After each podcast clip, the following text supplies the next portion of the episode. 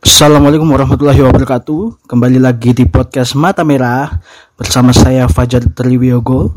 Uh, kali ini saya tidak akan membahas topik-topik seperti biasanya uh, karena setelah ini adalah sebuah record dari sesi safety share yang dilakukan oleh peserta FGWLP PT Indosi angkatan ketiga. Selamat mendengarkan.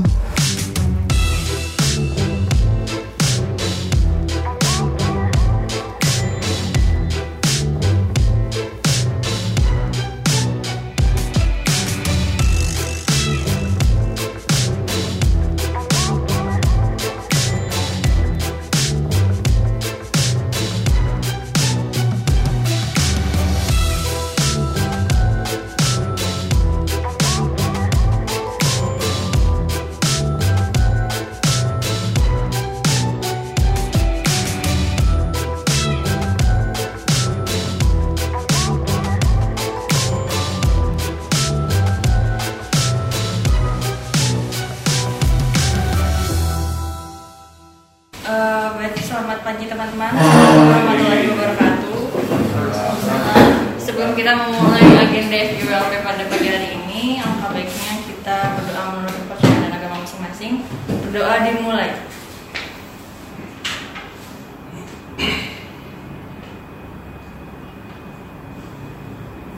Berdoa dicukupkan.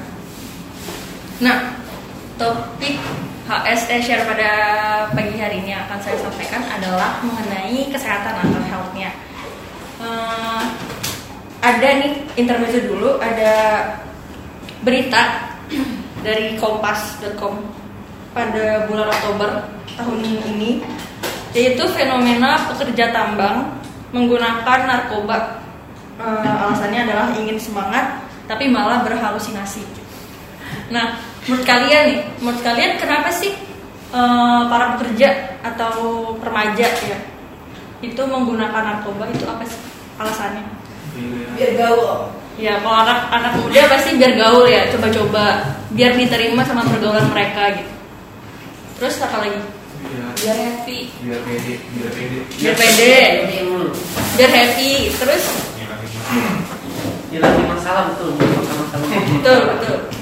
Kalau masalah ya Nah, apalagi kalau dari kasus berita yang tadi kan itu pekerja tambang ya, eh, yang mana eh, mereka membutuhkan tenaga yang lebih besar gitu. Jadi eh, kalau dari beritanya alasannya adalah untuk meningkatkan stamina seperti itu. Nah, menurut data yang dikeluarkan oleh BNN, 70% penyalahgunaan narkoba di Indonesia itu berasal dari kelompok pekerja sedangkan 22 persennya merupakan kelompok pelajar. Nah, alasan-alasannya juga sama seperti yang eh, kalian sampaikan tadi. Yang pertama, eh, yang dari kalangan pekerja itu adalah dari gaya hidupnya mereka. Terus kemampuan finansial mereka, ekonomi atau ekonomi yang kurang memadai gitu. Yang tadi benar kata Bang Jo. Eh, apa? Ingin keluar dari masalah kayak gitu, ingin happy tadi kata Adel. Terus tekanan pekerjaan yang menuntut uh, overtime seperti itu. Jadi uh, pandangan-pandangan mereka tentang narkoba itu menjadi kegagalan. Nah, yang, yang paling banyak di uh, apa, di mention di berita itu adalah mereka ini si pekerja ini menganggap bahwa narkoba dapat meningkatkan stamina dan menambah konsentrasi mereka. Padahal itu uh, alasan yang sangat salah. Padahal uh, narkoba itu sebaliknya ya Eh, karena dapat merusak fungsi otak sehingga mengurangi konsentrasi mereka.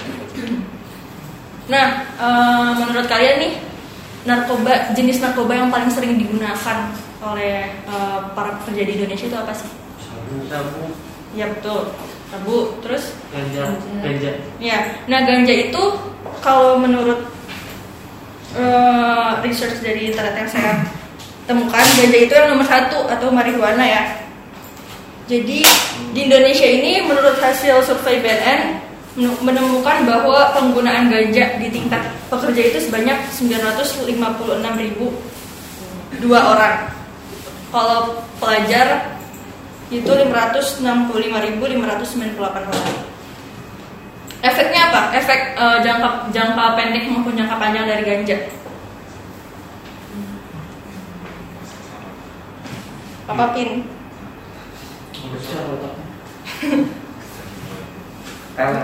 Jangka jangka pendeknya, kenapa sih orang menggunakan narkoba? Balik lagi ke situ. tenang. Ya apa? eh, merubah suasana hati kayak gitu ya. Terus eh, daya ingatnya juga apa? Kalau jangka pendeknya daya ingatnya tuh terdapat gangguan gitu. Makanya kalau misalnya tanda-tanda orang memakai narkoba kan dia agak pelot, terus linglung? Yang dari dari dari presentasi yang waktu itu kita lihat. Kemudian eh, yang nomor duanya selain ganja adalah sabu. Nah eh, di sabu ini oh, konsumsi sabu oleh para pekerja itu adalah 419 448 orang pekerja. Kemudian selain sabu adalah ekstasi. Ya, betul. Betul. Terus habis ekstasi, yang keempat adalah heroin. Nah, itu empat jenis narkoba yang paling sering digunakan oleh masyarakat Indonesia. Nah, eh, ada kelompok ya, ada kelompok, ada beberapa kelompok orang yang eh, kalau kita eh, mengkotak-kotakan orang yang memakai narkoba itu ada empat kelompoknya gitu. Yang pertama eksperi- eksperimental user, artinya eh, dia itu masih tahap coba-coba gitu. Yang kedua adalah casual user, dia udah eh, udah make tapi pada peristiwa atau kondisi tertentu gitu. Kemudian situasional. Nah, kalau orang yang situ- situational user ini dia udah mulai ada ketergantungan psikologis maupun fisiknya dia.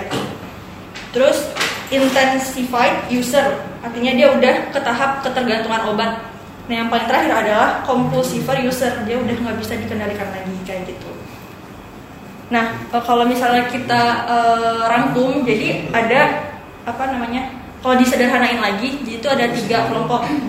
Ada user atau pengguna sekali, kemudian abuser itu pengguna peng- eh, menggunakan nafza eh, karena alasan tertentu, dan yang ketiga adalah edik, dia menggunakan karena kebutuhannya mereka. Seperti itu. Eh, Nah, menurut kalian nih cara mencegah agar eh, tindakan preventifnya gitu atau untuk kalau misalnya udah terjadi kan tindakan menanggulanginya bagi di lingkungan pekerja itu kayak gimana? Apa? Kalau eh, pencegahannya gimana?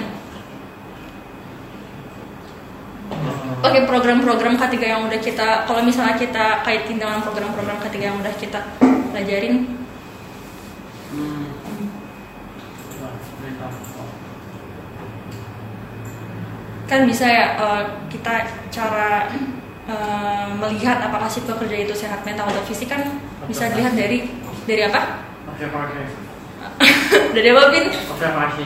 Observasi. Nah terus kalau misalnya belum mulai bekerja dari free job safety talk kan juga bisa kayak gitu. Terus kan juga ada program kita tes urin medical check up kayak gitu. Nah terus eh, apa namanya sosialisasi juga ya ke orang-orang kalau misalnya kita bawa materi tentang nafza ini ke safety meeting seperti itu. Iya. Nah eh, kurang lebihnya eh, eh sekian HSS share dari saya pada pagi hari ini kurang lebih mohon maaf wassalamualaikum warahmatullahi wabarakatuh.